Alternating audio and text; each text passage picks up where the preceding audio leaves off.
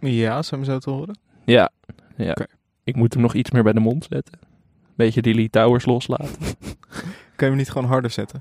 Nee, want volgens mij praat ik altijd harder dan jij. Is Ik- dat zo? Nou, dat, ik hoor vaak... Ik weet niet, dat is bij Skip Intro ook zo. Dan praat ik ook wat harder dan Anke. Dus dan moet het in de edit moet het altijd... dan moet Anke harder gezet worden. Maar dan denk ik altijd, ja, of ik moet zachter praten. Nou, ik vind niet dat jij per se heel hard Ik praat. vind ook niet dat ik zo'n luide Maar ik, stem ik heb. denk dat jij... Jij zit wel volgens mij dichter bij de microfoon. Je hebt een betere microfoondiscipline. Dat is wel waar. Ja, en ja, nee, toch die Lee Towers. Ik weet het niet. Betere houding, denk ik. Ja, Ik zit toch steeds eh onderuitgezakt. Oké. dat is niet de mentaliteit die we nodig hebben aan het begin van de podcast, hè Michel? Ik Sorry. zit nu wel heel dicht in die microfoon. Het is nu echt, maar ik kan echt ruiken wie er hiervoor heeft gezeten. Ik kan gewoon ruiken wat Ellie Lust gisteren gegeten heeft. Dat is toch ook niet wat je wil? Worden voorbereidingen getroffen voor de bouw van Nederlands eerste televisiezendmast. De zender zal van hieruit het dichtstbevolkte gedeelte van ons land bestrijken, waarin de vier grote steden Amsterdam, Rotterdam, Den Haag en Utrecht.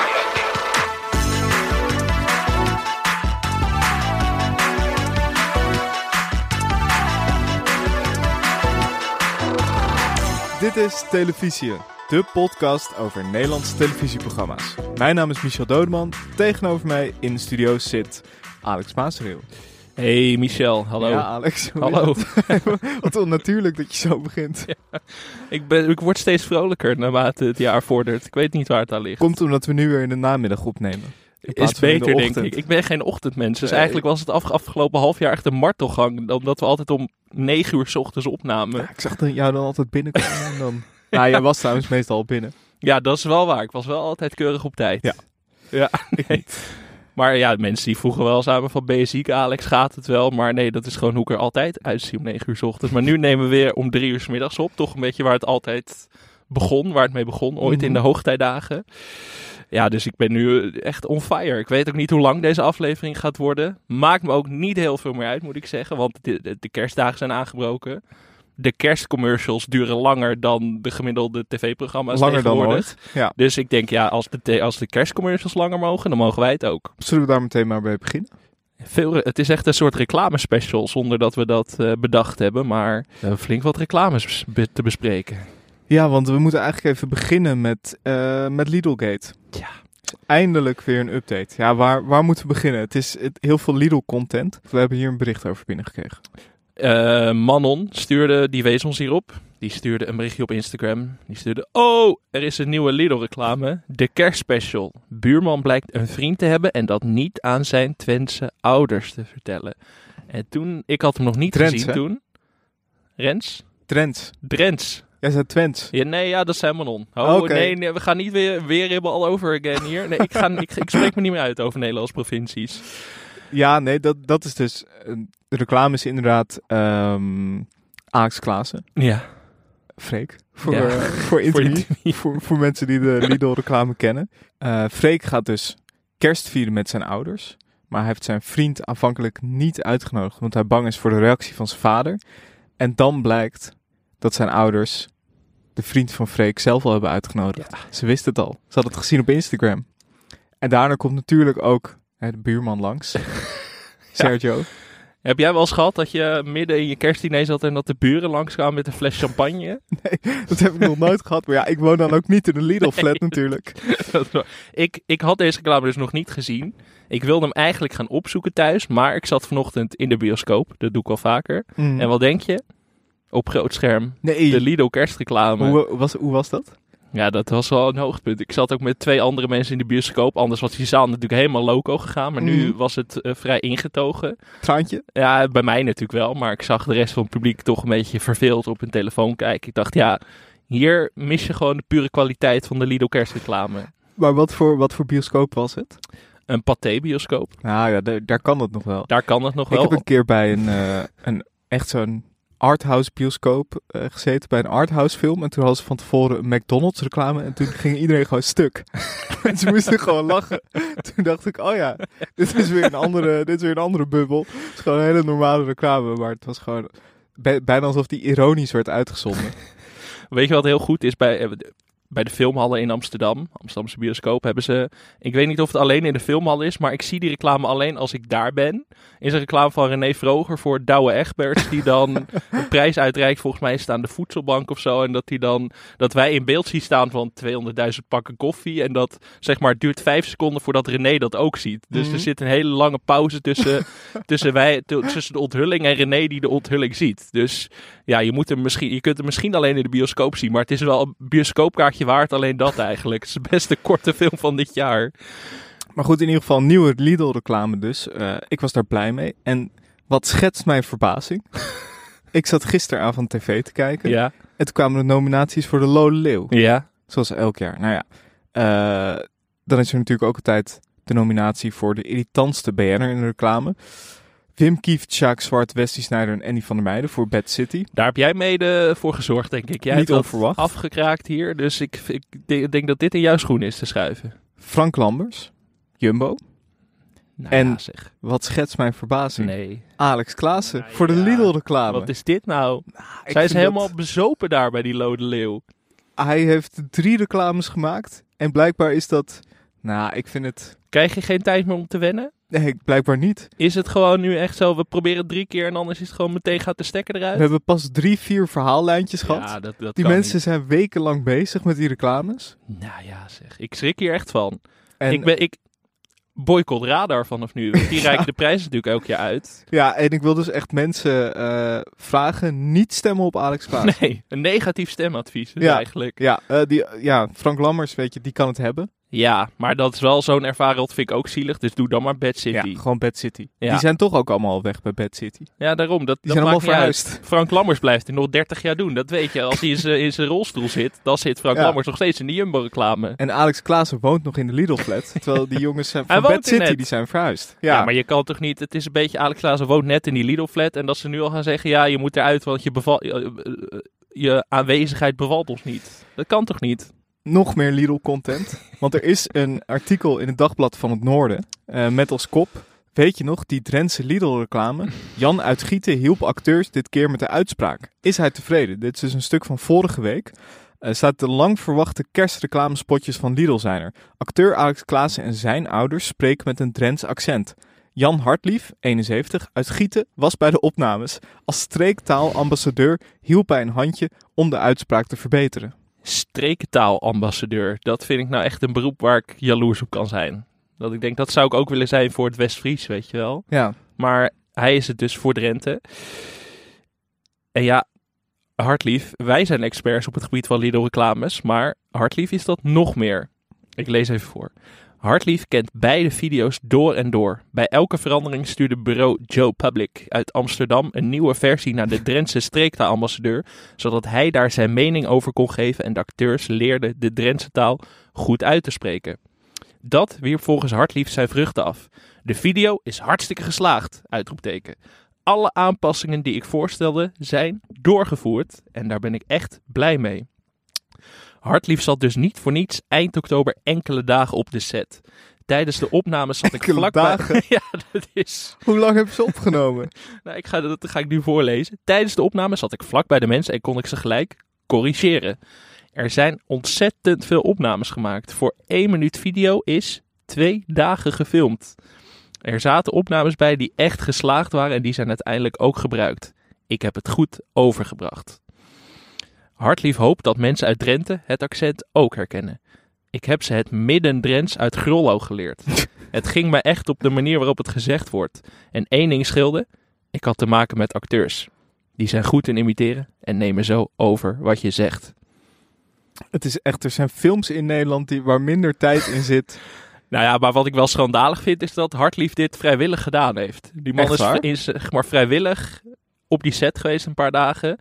En dan vragen ze ook in dit artikel... eh, hij heeft dus een kerstpakket op de mat gekregen. Dan denk je, ja, dat is natuurlijk een, een groot kerstpakket van Lidl. Mhm. Niet van Lidl, maar wel van dat reclamebureau. Oh, En Hartlief zegt dan hartstikke leuk, vind ik dat. Maar ik denk toch Lidl, kom op. Je bent Ja. de nummer 1 in groente en fruit, dan kan je toch wel wat courgettes missen en naar Hartlief sturen. Wat is dit nou? kom op man. Die man heeft wekenlang, wekenlang op die set rondgelopen. ja, ik... eh, maar kijk, goed. als ik, dit, als ik dit hoor, dan denk ik, ja... Alex Klaassen mag niet die Lode Leeuw winnen. Nee, nee, dat moeten wij echt ten koste van alles voorkomen. Dat is, dan raak je ook Jan uit Gieten. Ja, En, al is het het laatste wat we doen, wij moeten voor die Lode Leeuw gaan liggen. Ja, Maar over kerstreclames gesproken, komen we volgende week uitgebreider op terug. Want Ja. daar heb ik nog een, eh, wat over te zeggen. volgende week een Ja. kerstspecial. Nog één dingetje over Lidl. ik dacht toch, het zat me niet lekker. Ik dacht, ze zijn zo lang op die set geweest. Het kan niet zijn dat er alleen een kerstreclame is. Het kan niet zo zijn. Dus ik heb de onderzoeksredactie weer ingeschakeld. Ja, ja. Het schaduwteam. En ze zijn met z'n allen erop gaan zitten. Dagenlang gezocht. Nachtenlang gezocht. Het was frustrerend. Het was moeilijk soms. Maar ja, het is ze weer gelukt. Ja. Drie extra spotjes hebben ze Drie? gevonden op YouTube. Jezus. Op het eh, YouTube-account van Lidl. Titel 1. Freek's moeder maakt haar vriendinnen in Drenthe jaloers met al het lekkers van Delicieux. Nummer 2. Een wel heel lekker toetje in de Lidl-flat. en 3. Vanavond staat er vega op het menu in de Lidl-flat. Ja. Dus als je die kerstreclame leuk vond, ga dan even naar het YouTube-account van Lidl. Er staat allemaal, er staat allemaal content. Het, het komt wel dichtbij ook, want ik zit dit jaar dus eh, met kerst in een huisje. Weet jij in welke provincie? Drenthe? Ja. Oh, Ja, dat zit ik me niet te waar in bedenken. Drenthe? Ja, eh, ergens bij de Hunebedden in de buurt. Bij de Hunebed Highway. Ja, we, we- ja ik, eh, als ik dit nu ga zeggen, dan komen mensen er allemaal heen in de kerstvakantie. Oh ja, dat moeten we ook niet hebben, natuurlijk. Ja, ik wil dan eigenlijk ook wel een meet and greet met, ehm, met Jan uit Gieten. Ja, misschien kan je ook het eh, accent aanleren. dat zou leuk zijn. Even kijken, wat hebben we nog meer in het postvakje? Ralf Makkenbach. We kregen een bericht van Joelle en een mail van Marijne. Ja, we hadden het laatst over de grote terugkeer van Ralf Makkenbach. Maar hij zat ook ge- hij ma- eh, of als kernfysicus. Dat was eigenlijk zijn grote rentree. Mhm. Maar nu heeft hij echt de klapper gemaakt, want hij heeft weer opgetreden. En misschien moeten we daar even een stukje van laten Ja. horen. En niet schrikken, want we beginnen met Georgië. Als je denkt, wat is dit? Dat is Georgië.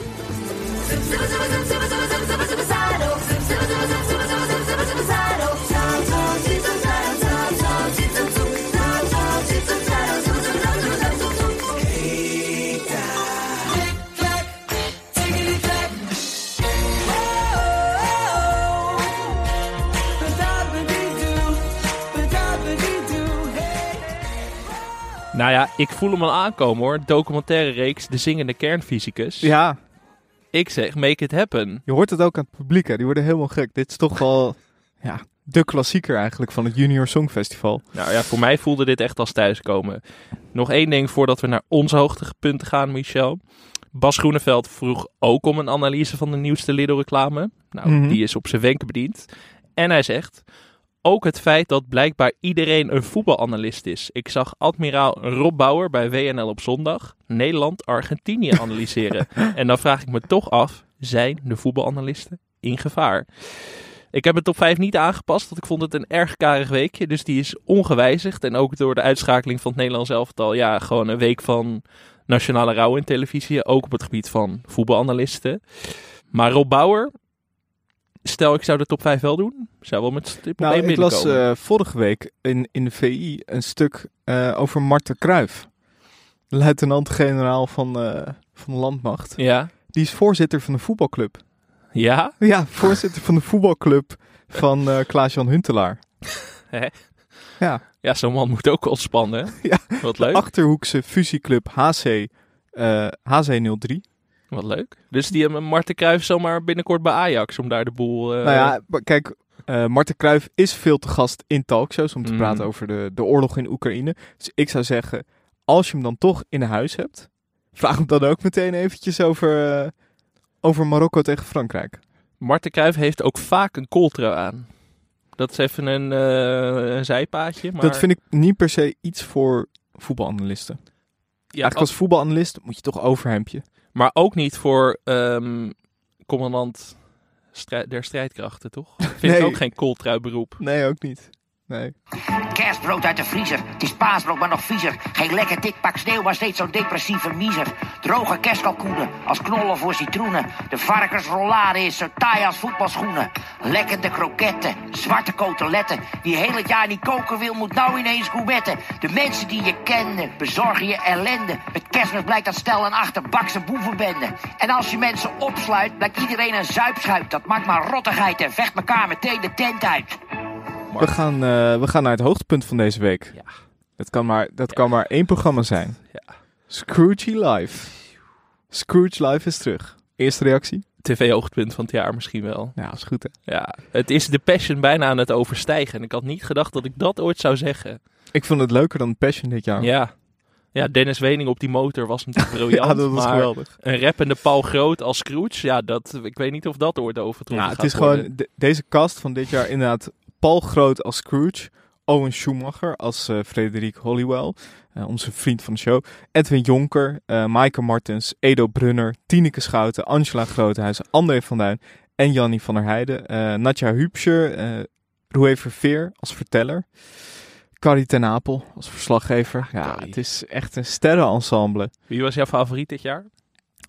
Nou, na een paar minuten zag ik Erik van Tijn achter het keyboard. Toen dacht ik, ja, dit is thuiskomen. is toch altijd wel de ster. Nou, nee, ik vond, ja, ja, André van Duin. Stop. André en Jannie als, eh als eh collectantenduo. Ja, Ik heb wel één grote teleurstelling. En dat is dat Jannie niet mocht zingen. Ze deed Nee. het heel even, maar ik had daar meer van gehoopt. ze had het heel duidelijk. Het was heel duidelijk wie er wel en niet konden zingen. Want bij de mensen die niet konden zingen, dan eh, werd de zang eventjes overgenomen door iemand anders. Er waren grapjes over de Nokia van Rutte en de One Love band. Eh Roué Verveer begon met een soort goedenavond à la Gaston. Ja, Roué was in topvorm ook. Ja, Ik kan en niet anders zeggen. Tineke Schouten als beschonken geest van het verleden. Het is echt... Ja, kijk, bij series als Succession gaat het vaak over method acting. Maar ik was echt... Ik, was echt ik, ik sloeg stijl achterover van wat Tineke Schout hier aan het doen was. Ja, Het was echt ongekend. dat was geweldig. Tineke Schouten was de geest van het verleden. Angela Groothuizen de geest van het heden. Angela was ook in ongekende bloedvorm. Ik ben ook blij dat we weer meer van actrice Angela zien dit jaar. Ze zat ook al in die Omroep Max serie Tweedehands natuurlijk Mhm. dit jaar. Maar ja, Angela, wat, wat, ook bloedvorm. Iedereen was in bloedvorm. Ja, en dat live, hè? Ja, maar dat zou ik me wel af. Waarom is live? Puur omdat je er dan nog wat grapjes in kunt schrijven over de actualiteit. Eh, nee, ik denk, ik denk toch vanwege... zodat ze live kunnen bijhouden hoeveel mensen Ja. donateurs zijn. Ja, dat is eigenlijk een hele Maar logische goed, verklaring. Ja, maar goed, aan de andere kant, je kan ook even schakelen naar een Ja. studio. Maar Nee, dat, dat is, dat wel- is niet leuk genoeg. Nee, maar het is zo'n grote productie. En ik zat me de hele tijd af te vragen... Ja, ja, al die mensen moeten dit nu live doen. De kans dat er iets misgaat is vrij groot. Zoals dat Jannie moest lachen om André van Duin. Wat heel erg grappig was. Dat is relatable. We've all been there, denk ik, met André. Mhm. Maar ja, nou ja, ik vind het leuk dat het live is. Maar ik denk... Ik Jannie was even een soort Corrie van Gorp. Ja. kan ook nooit lang meer duren. Nee, ik heb een ziek kind, Bobby. En dan, ja, en ik heb een variabel energiecontract, Scrooge. Ja, gewoon goed. Vooral Scrooge die zijn eigen versie van Empire State of Mind van Alicia Keys deed. ja, fantastisch. Paul Groot had het ook zelf geschreven, toch, dit jaar? Ja, ja. Valser dan ooit, werd er gezegd over Scrooge. Mm, Nee, ja, daar ben ik het niet mee eens. Ja, nee, zeg maar, eh, niet qua zang, Oh, maar qua, qua karakter. oh Scrooge, leuk. Ja. Nee, ja, nee, echt. Ja? Dat zei hij zelf. Ja? Valser dan ooit. Oh, dat zei hij zelf. Ja. Oh, ik denk, jij leest nu Twitter-reactie van eh, Harry043 voor Nee. of zo. Nee, Nee, ja, joh. ik denk al. Ja. ja, je weet het nooit. Ja, ik vond ook Jannie die het taartje van Owen Schumacher beoordeelde. Fantastisch. Bob van Kopen zonder kijken, nog met een cameo. Wat een cameo. Die was ook echt goed. Die ging ook helemaal op in zijn rol. Maar we moeten dit nu toch wel nog verder uitbreiden. Kijk, we hebben nu met Pasen de Passion, met Kerst hebben we Scrooge Live. Dat zijn twee pilaren. Om het half jaar zijn dat echt tv-evenementen waar wij voor warm lopen. En de rest van Nederland ook, want dit was een kijkcijferhit. Bijna 2 miljoen kijkers. Komt terug volgend jaar ook. Dit moeten we toch met veel meer feestdagen gaan doen? Nou, ik, ik vind wel... Dit is dan in de kersttijd. Ja. Passion natuurlijk eh, in het voorjaar. eh, in de herfst. Ja, dan Misschien in de zomer. Augustus heeft een, feest, eh, een spektakel zoals dit nodig, heb ik het idee. Ja. Ja, ik- moeten we maar even over Het is nadenken. misschien leuk voor formatje volgende week. Oh ja. Ja. Volgende week wil ik ook graag kerstformatjes. Ja? Ja. Oké. Ja, oh, dan mogen mensen, dan hebben mensen nu een week tijd om erover na te denken. dat is eh, leuk. Even een opdracht. Eh, even kijken, wat heb jij verder nog meer? André Rieu. Godsamme, ja. Kijk, Scrooge Live was het hoogtepunt van deze week, maar daarvoor had ik gekeken naar de documentaire serie André Rieu, Welcome to My World. Oké, en eigenlijk ging niks dat overtreffen, dacht ik. Want, oké, even de basics. Het is officieel een Engelse serie. Hij is gemaakt voor de Engelse tv, maar hij is aangekocht door de NPO. André Rieu, hè? Britse tv, aangekocht voor Nederlandse tv. Het is dus ook grotendeels in het Engels. Goed om te onthouden, behalve het intropraatje. Luister even mee, Michel. André Rieu is terug met een gloednieuwe serie. Cheers! Deze serie, gemaakt voor de Engelse televisie, volgt André en zijn Johann Strauss Orkest op hun tour over de wereld. It's really fantastic. So I'm for eternity in Colombia. Een tour en een serie die beide abrupt werden afgebroken door de pandemie. We gaan naar huis. We proberen zo gauw mogelijk dit land te verlaten. We zien concertuitvoeringen en talrijke backstage scènes. Stop! Het is rommelig. Ja, dat is altijd in het begin. Een emotionele rollercoaster. Ja, ja, Ja, ja, ja. Dit is André Rieu. Welcome to my world. Ja, nou ja, goed. Ivonie als voice-over in het begin. Ik dacht, Ivonie doet de voice-over voor de hele aflevering. Dat was niet het Nee. geval, want de voice-over wordt gedaan door André Rieu zelf. Een Oh, echt? paar fragmentjes voor meegenomen, want ja, ik heb, ik heb van weinig dingen zo genoten in de tv als van André Rieu die de voice-over van zijn eigen documentaire doet. Even een, klein stukje. Hij staat nu bij het carnaval in Maastricht. If you have a headache, don't go there because it's loud, loud, loud. It gives you.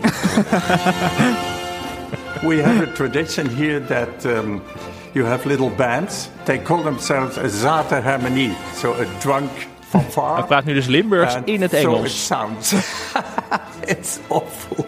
But it's, oh, it makes so much fun.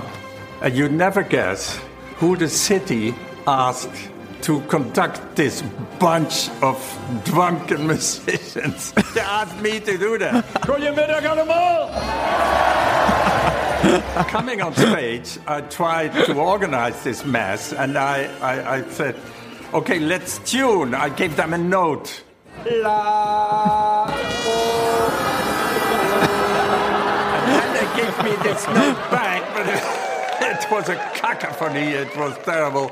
But then Cacophony. I said, okay, I started to conduct Maastricht is a the Maastricht city of jolly singers.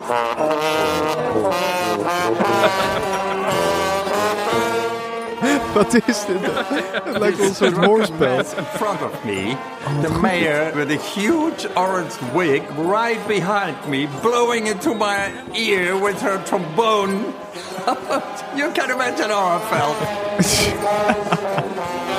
ja, dat is Het is echt geweldig zonder beelden erbij. Geen idee wat hier gebeurt.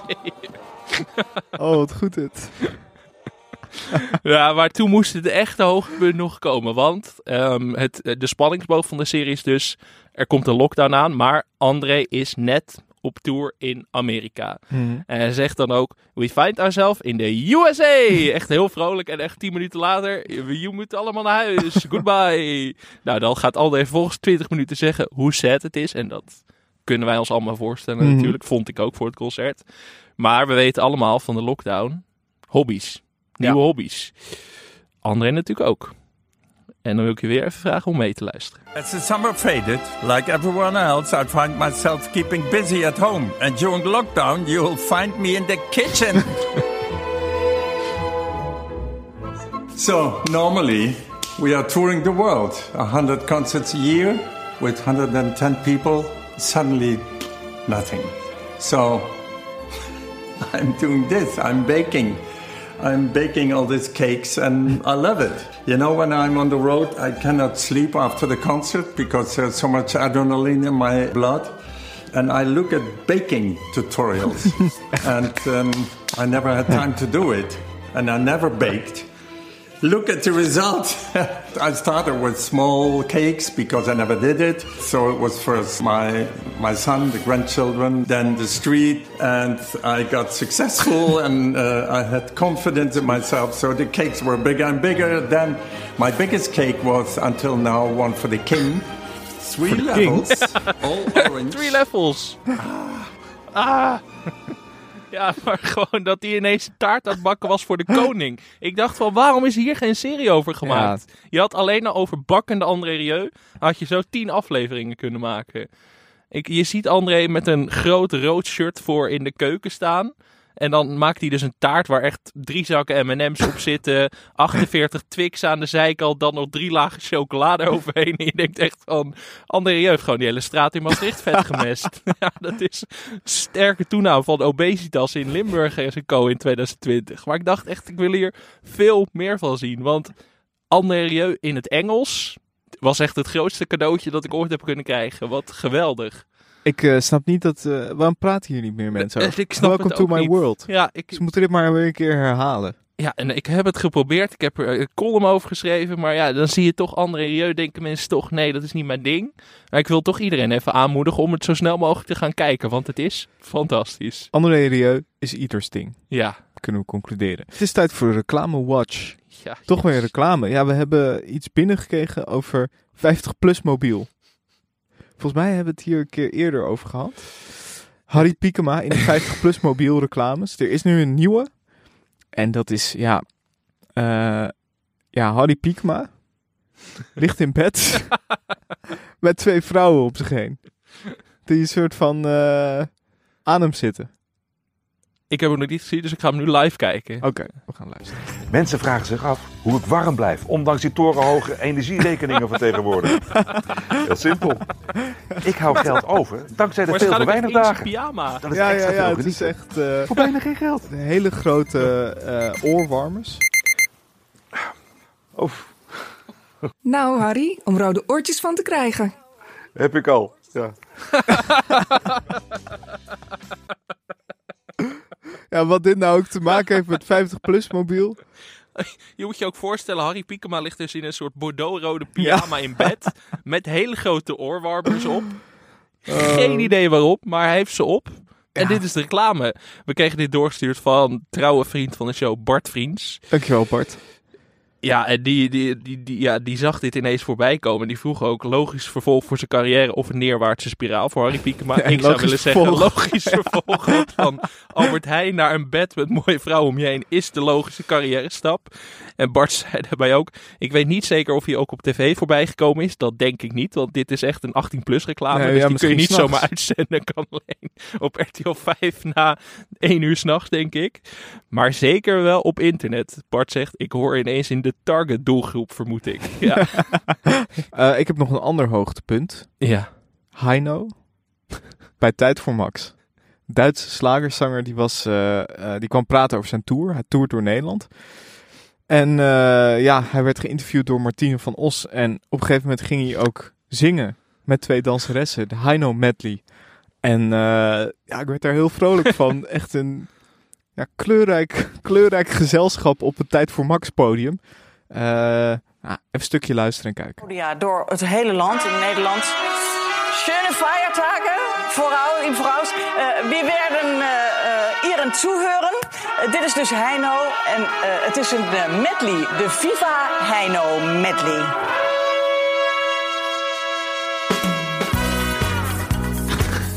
Heino met een hele grote zwarte zonnebril op, uiteraard. Ja, dit, dit gebeurt gewoon allemaal bij Tijd voor Max. hè. Er gebeuren zoveel dingen waar weinig mensen weet van hebben. Wordt vaak vergeten in de talkshow oorlog. Ja, Ja. terwijl het toch eigenlijk de stabiele factor is. eh. volgens mij zat Roelof Luigen deze dag ook eh, aan tafel. Ja, fantastisch. Ik heb lang niet aan Heino gedacht, moet ik eerlijk zeggen. Ik ook niet. Maar Ja. bij Tijd voor Max zitten ze er dan toch bovenop. Hè? Dat is die Heino met oude de FIFA jeugdhelden. Heino eh, medley. Dus jij zegt ook vaker Tijd voor Max kijken. Ja, ja. Breaking news.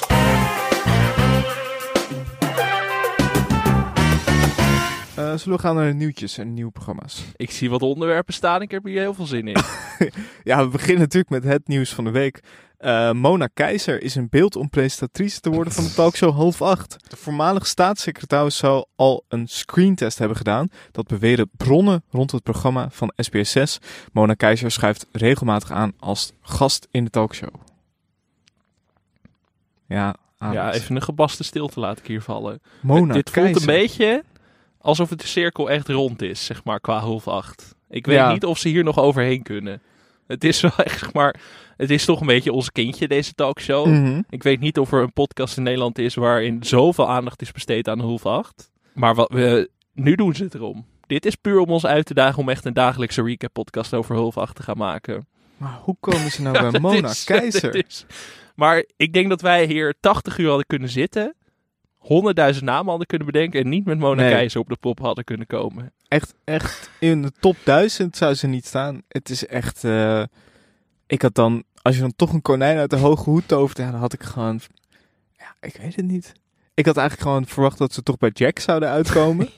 Of misschien bij Dries Rolfing. Ja, het is maar allemaal minder gek dan Mona Keizer. Mona Keizer, maar die heeft, ja, niet dat dat nou, eh, ik bedoel, eh, ervaring is meestal geen vereiste in talkshows, maar heeft ze ooit iets gedaan dat ook maar, Nee, misschien business dingen of zo. Eh, ze zit nu natuurlijk lekker in het commerciële circuit. Nu dus uit het CDA is gestapt. Maar ja, ik begrijp er echt niks van. Ik denk dat ze echt belastend materiaal voor John de Mol heeft of zo. Want anders kan ik me echt niet voorstellen hoe dit kan. het is denk ik eh, het dichtste bij het presenteren van een dagelijkse talkshow dat zij geweest is, is dat filmpje in die keuken dat ze die pannenkoeken aan het maken was.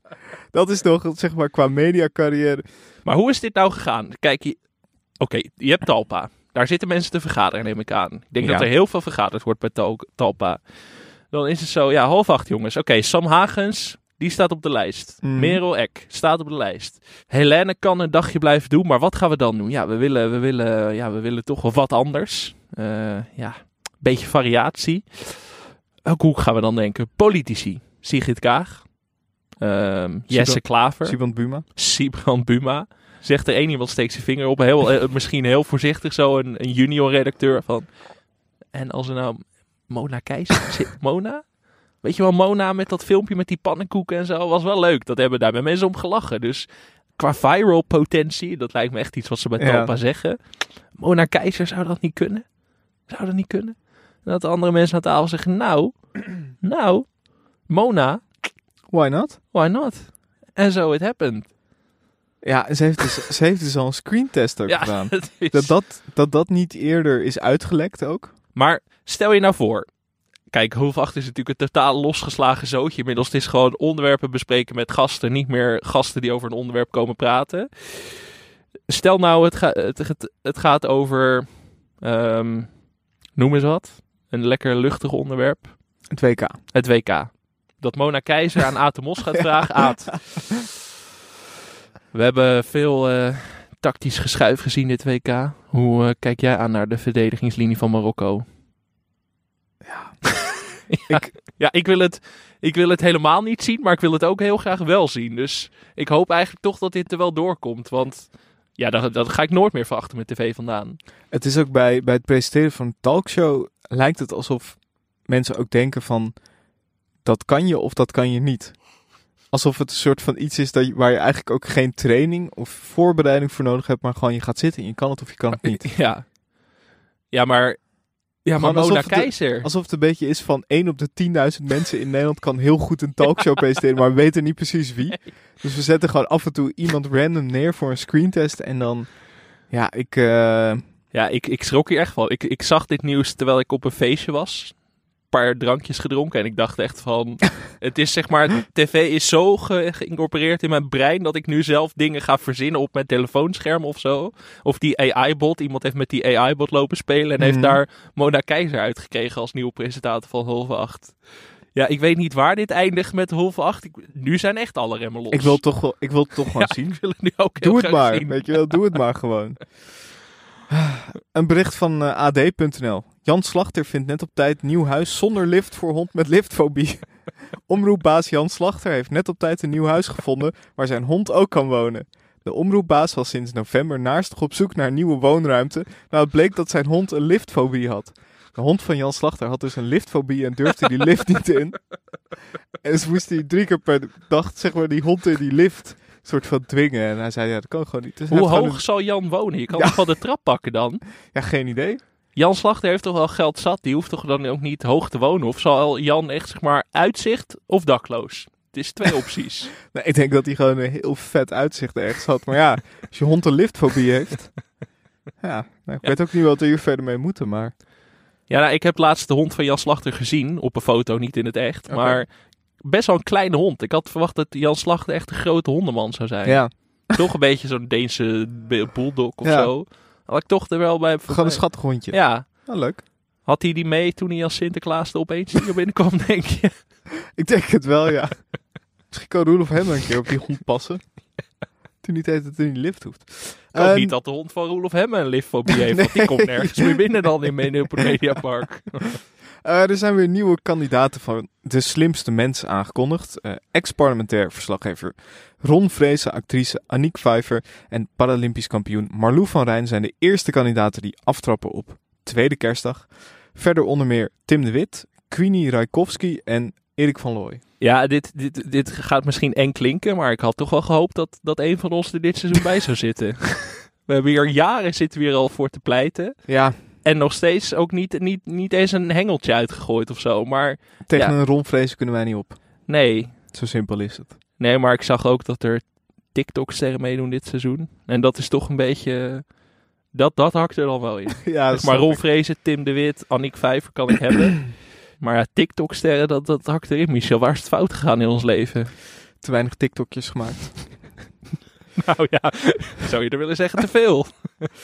Eh, Lee Towers Ja, wint ja, de Tros Kompas Oeuvre Award. Lee Towers is altijd de man van de straat gebleven. De gewone man die het lukte een American Dream te leven. Oordeelde de jury. Hij is de bankwerker bij scheepswerf Poelen die het schopte tot zanger en showman puur zang.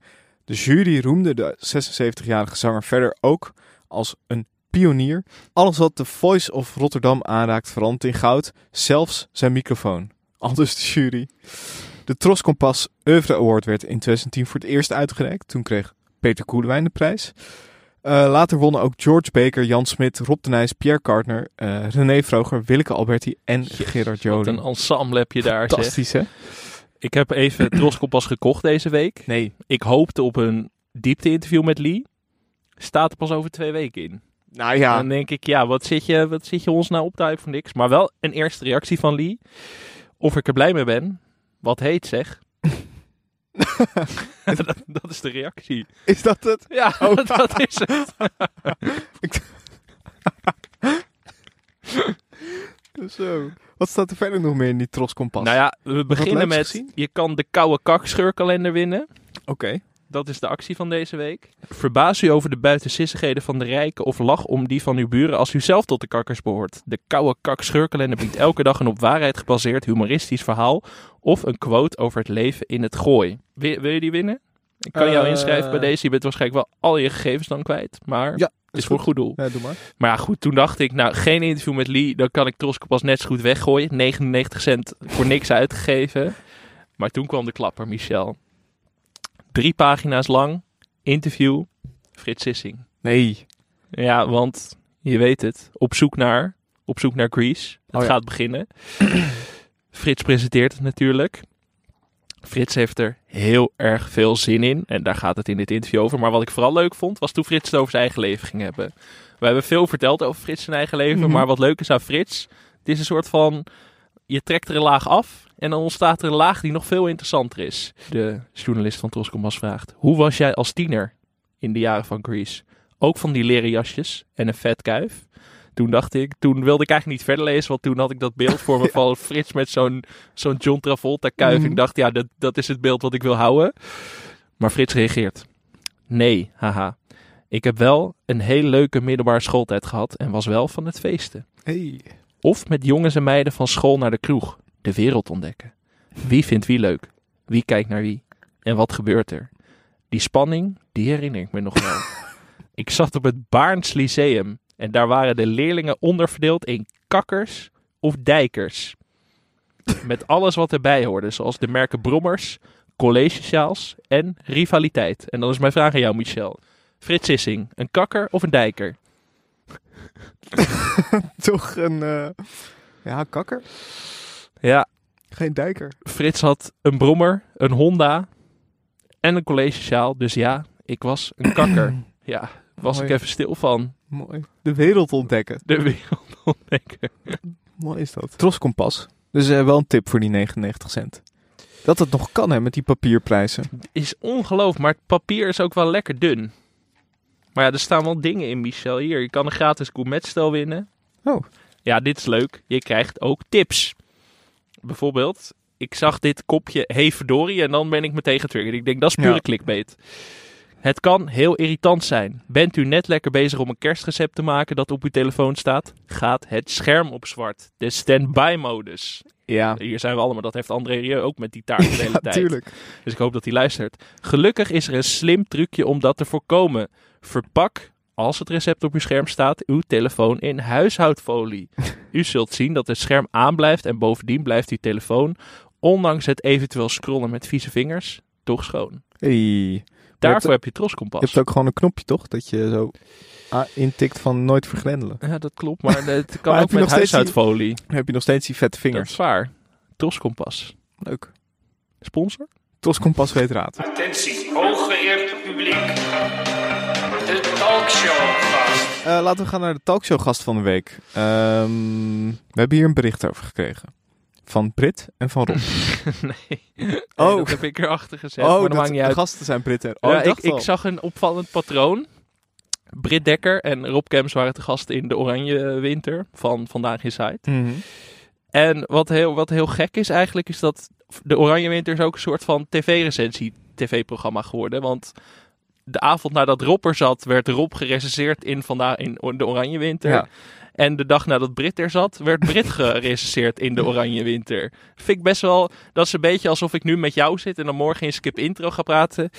Ja, ik zat gisteren met Micha en dat was gewoon helemaal waardeloos. Ja, dat vind ik wel een leuk fenomeen, want ze kreeg dus heel veel kritiek Ja. van de mensen aan tafel. Nou, de Oranje Winter is een proeftuin. Ja. Maar die proeftuin wordt dan ook eh gerecenseerd. Ja, het is... eh, Het is wel wonderlijk, maar ik dacht van, ja, als ze dit al gaan doen, dan wordt het een soort talkshow, show, talkshow gast van de dag. Want wat moeten wij dan nog doen? het wordt heel meta. Het wordt steeds metaer. Gaan wij dan weer daarover praten? Ik was gewoon, ik moest het toch even kwijt, Michel. Dankjewel. Ja. Het is allemaal hetzelfde.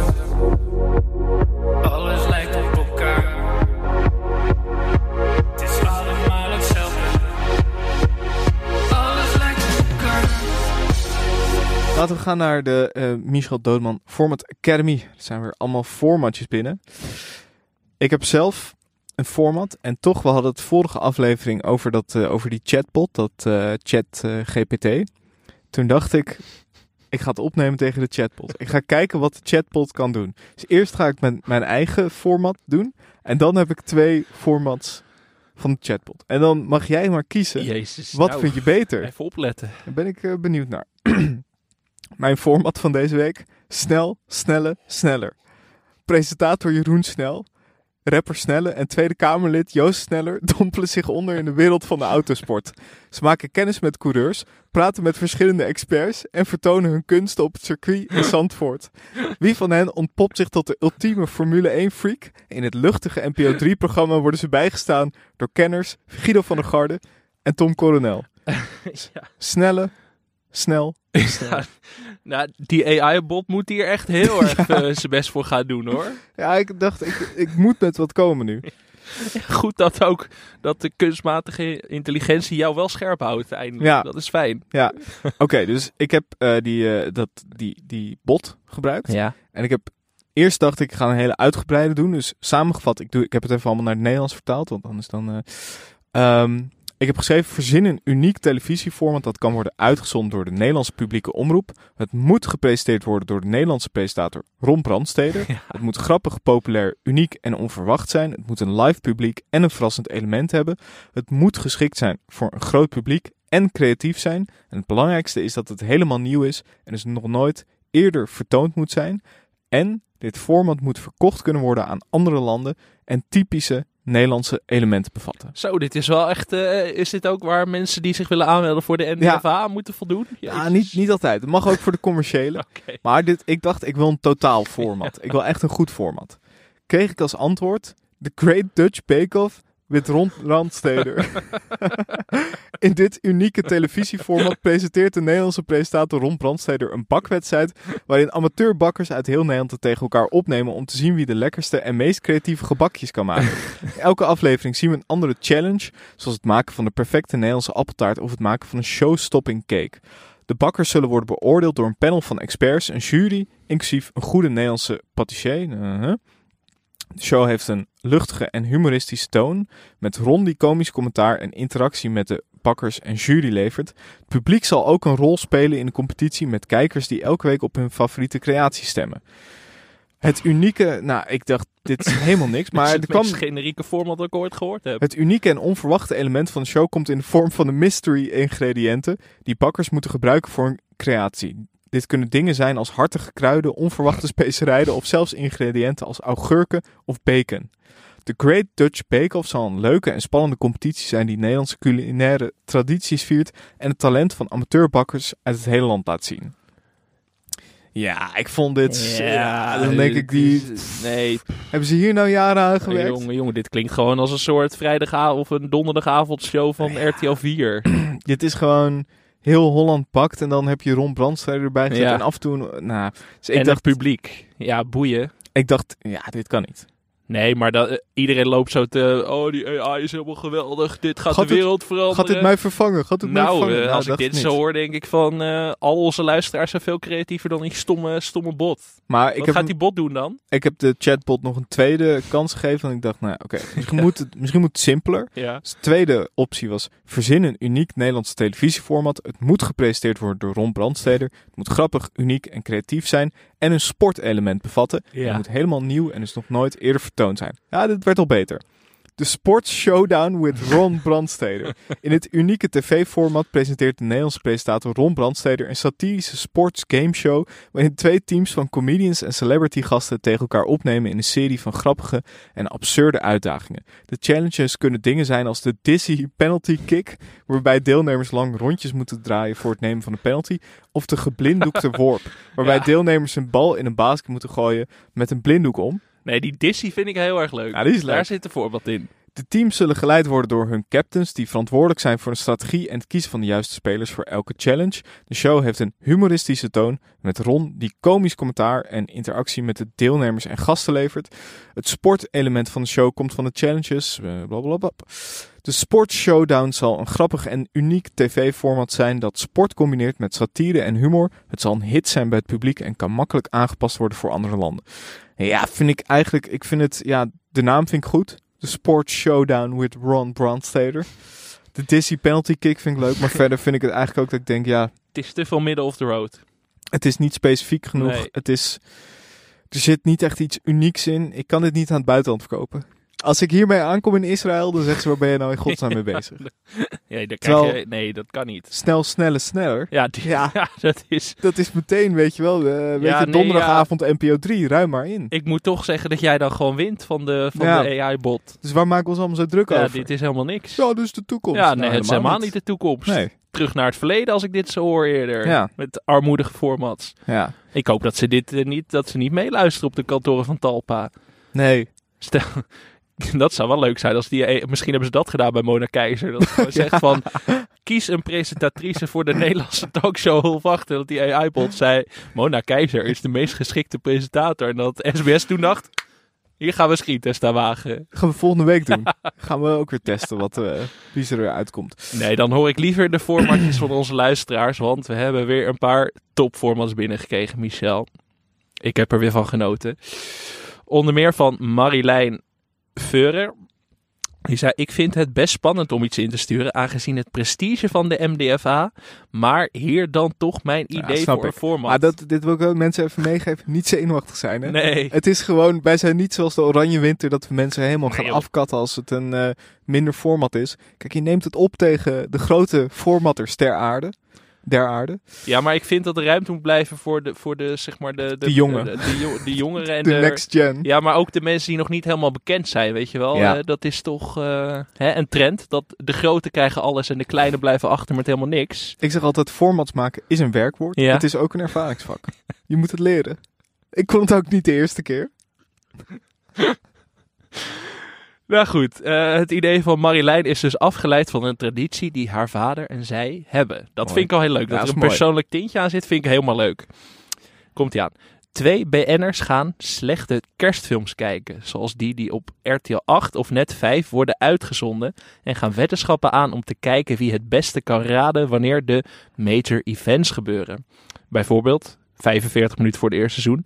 5 minuten tussen de ruzie en het bijleggen ervan. Degene die het dichtst bij zit qua tijdschok krijgt een geldbedrag dat wordt gedoneerd aan een door de BN'er gekozen goed doel.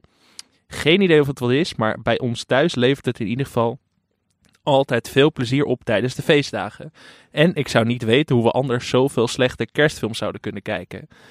Even de filmje, de, de, ja, zeg maar de, het- ons prachtige spin-off project, wat Mhm. wel geteld twee afleveringen Ja. heeft gelopen.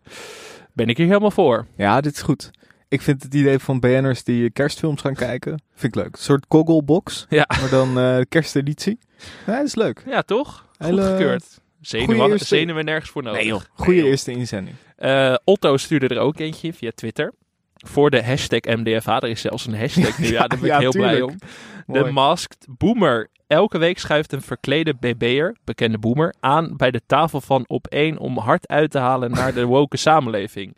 Daarna is het aan de tafelgasten op te raden wie er in het pak zit voordat ze willen weglopen van tafel. Ja, Heel leuk ingespeeld op actualiteit. heel goed. Ja, dit is goed hoor. Ik zie het wel voor me.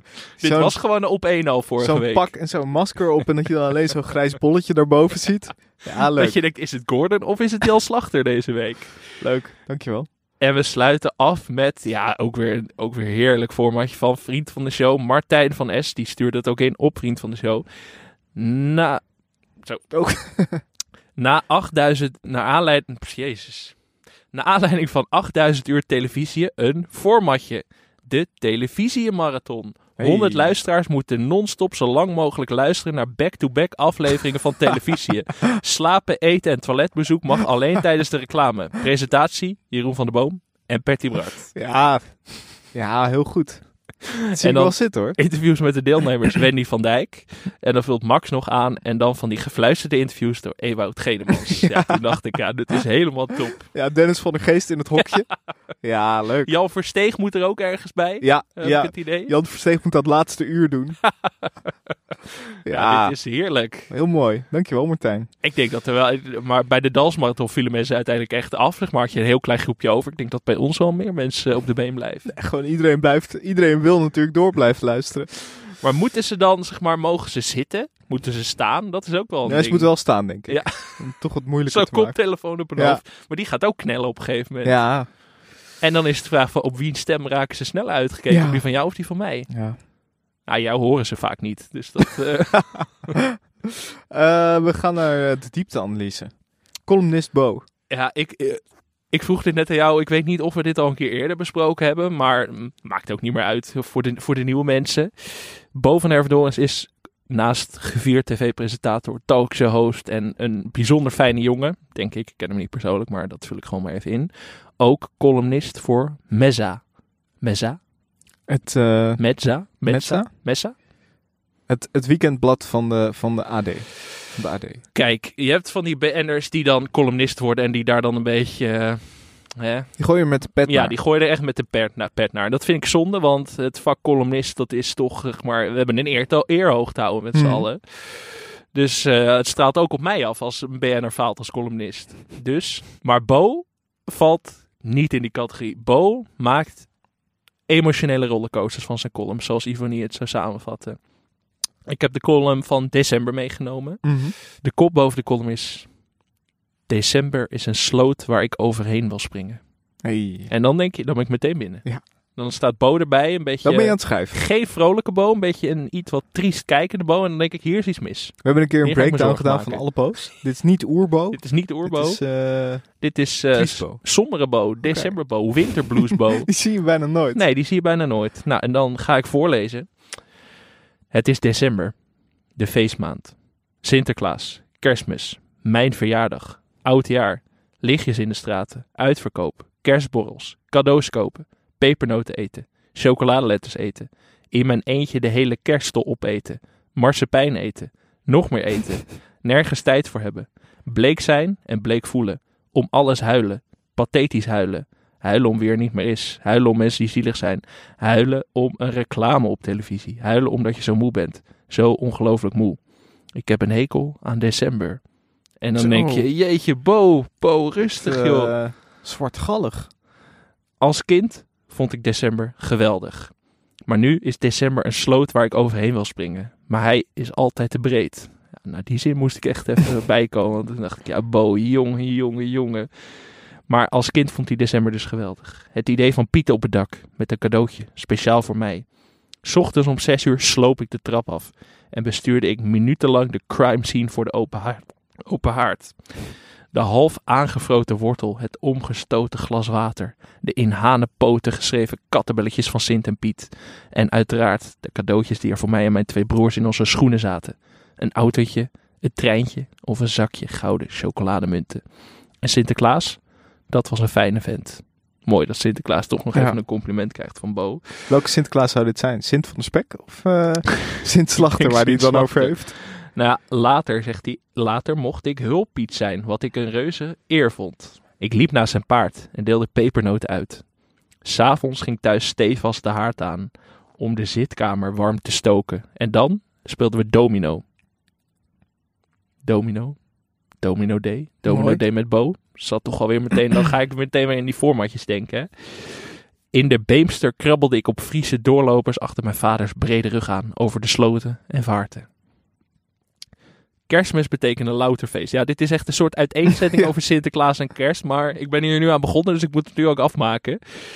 Spelen, eten, dansen. We trokken drie dagen lang in een karavaan door het land naar de verschillende takken van de familie. Ik rende met mijn neven en vriendjes door de gangen, kroop onder de tafels, at mij ongans aan alles wat er voor me werd neergezet. Dat is een, eh, dat is een symbool. Een woordkut. Wim Daniels, die is nu echt die is op zijn hoede hoor. Het kerstdiner op de 24e. In een schitterende ambiance met soms al 50 mensen. Was het hoogtepunt van het jaar. 50 mensen. Wat een grote Grote diners. Nog steeds trouwens. Dat iedereen die avond mijn verjaardag vergeet, vond ik vroeger jammer, maar tegenwoordig fijn. Is gewoon jarig op kerstavond. Daar moet je even bij stilstaan. Hij heeft ooit nog die Lidl-reclames gedaan, hè? Ja. Delicieux. Het komt allemaal samen eigenlijk. De cirkel komt heel mooi rond zo. Op 26 december werd ik wakker in de vakantie. De trein opzetten en urenlang op mijn knieën verhalen maken met Lego en Playmobil. Toen dacht ik weer, formatje, Playmobil met Bo. Ja. Playmobil. Lego Masters. Playmobil.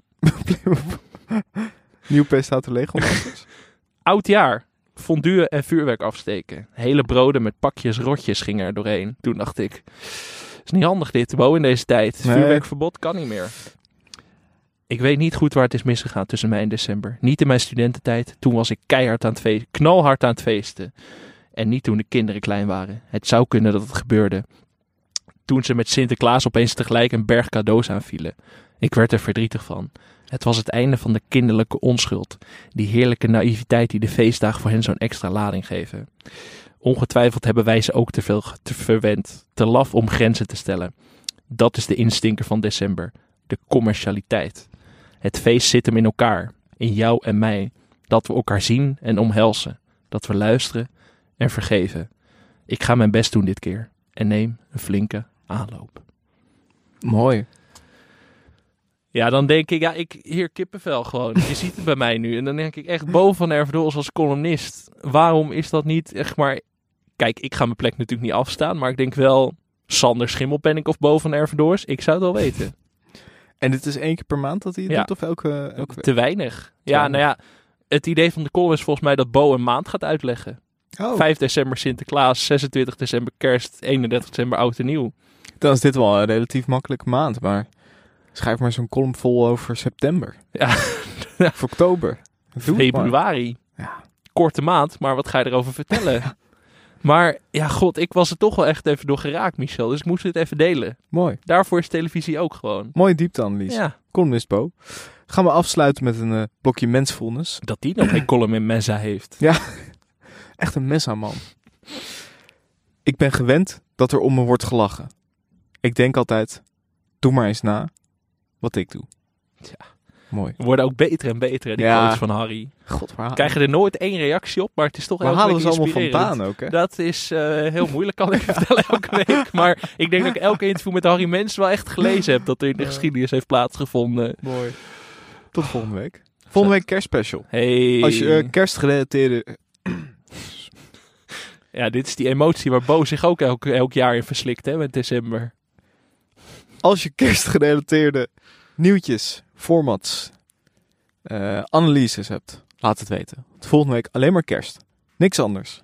Mag ik nog wel naar de paardenstreamingdienst van Britt Dekker kijken? Want dat ben ik vergeten deze week. Maar Oh dat ja, zat nee, ik me dat- net te bedenken. Ja, nee, tuurlijk. Maar daar staat misschien ook wel iets met kerstpaarden op of ja, zo. vast wel. Hoe heette die eh, streamingdienst ook weer? Hoe van? Oh ja, hoe van? Tot volgende week. Tot volgende week.